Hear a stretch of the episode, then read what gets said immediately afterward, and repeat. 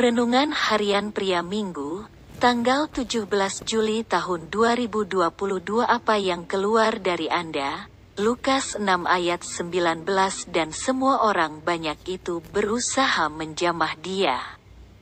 Karena ada kuasa yang keluar daripadanya dan semua orang itu disembuhkannya. Ke mana pun Yesus pergi dan di mana pun Yesus ada, banyak orang akan datang untuk mendengarkan dia.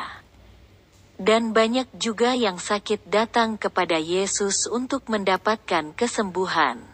Mereka semua berusaha menjamah Yesus. Karena ada kuasa yang keluar dari Yesus yang dapat menyembuhkan mereka yang sakit dan menjamahnya. Kehidupan yang menjadi kesaksian dan berkat bagi banyak orang yang Yesus lakukan. Kehidupan itulah yang Yesus juga berikan kepada murid-muridnya.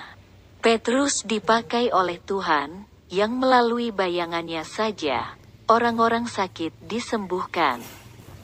Dan kehidupan itu juga telah diberikan kepada Anda dan saya yang sudah percaya dan menjadi anak-anaknya.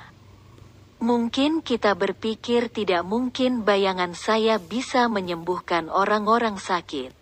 Ingat bagi Tuhan tidak ada yang mustahil.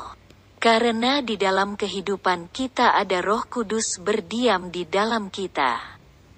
Jadi kita bisa mengalirkan kuasa Tuhan kepada orang-orang lain. Khususnya yang membutuhkan pertolongan Tuhan. Bagaimana cara lainnya kita dapat mengalirkan kuasa Tuhan melalui kehidupan kita? Sebuah tindakan yang sederhana yang sering kali kita tidak menyadarinya. Apa itu?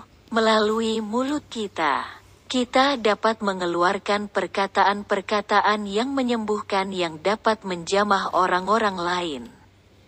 Jadi Tuhan mau memakai kehidupan Anda dan saya melalui perkataan-perkataan yang membangun dan menyembuhkan orang-orang lain. Alirkanlah kasih dan kuasa Tuhan melalui perkataan-perkataan kita. Refleksi diri, apa yang firman Tuhan katakan kepada Anda? Bagaimana kehidupan Anda dengan firman Tuhan itu? Catat komitmen Anda terhadap firman Tuhan itu. Doakan komitmen Anda itu, pengakuan iman.